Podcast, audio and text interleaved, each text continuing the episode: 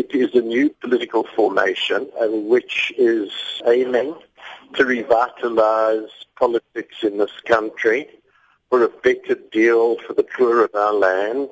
It's against the corruption which has become endemic in this country. Kasrol sê dit is nie per definisie 'n sosialistiese beweging nie, hoewel sekere elemente tog aanwesig is. Hy sê die United Front is in wese 'n organisasie wat streef na die eertydse waardes en beginsels van die bevrydingsstryd. Very much an organization which is wanting to see a major sea change in our country in terms of the values from the best days of the liberation struggle and the freedom charter.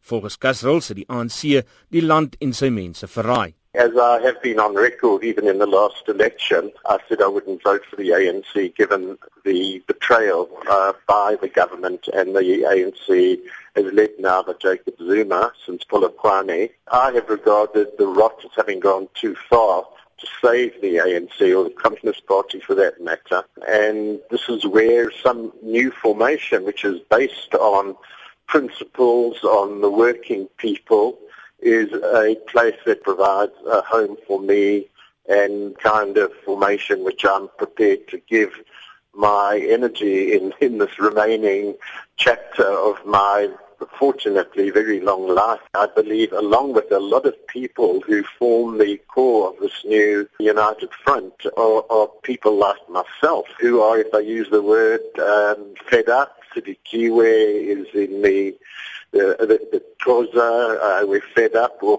if I use the word, the hurtful with the existing state of affairs. Dit is Ronnie Castros. Ek is Isak Du Plessis in Johannesburg.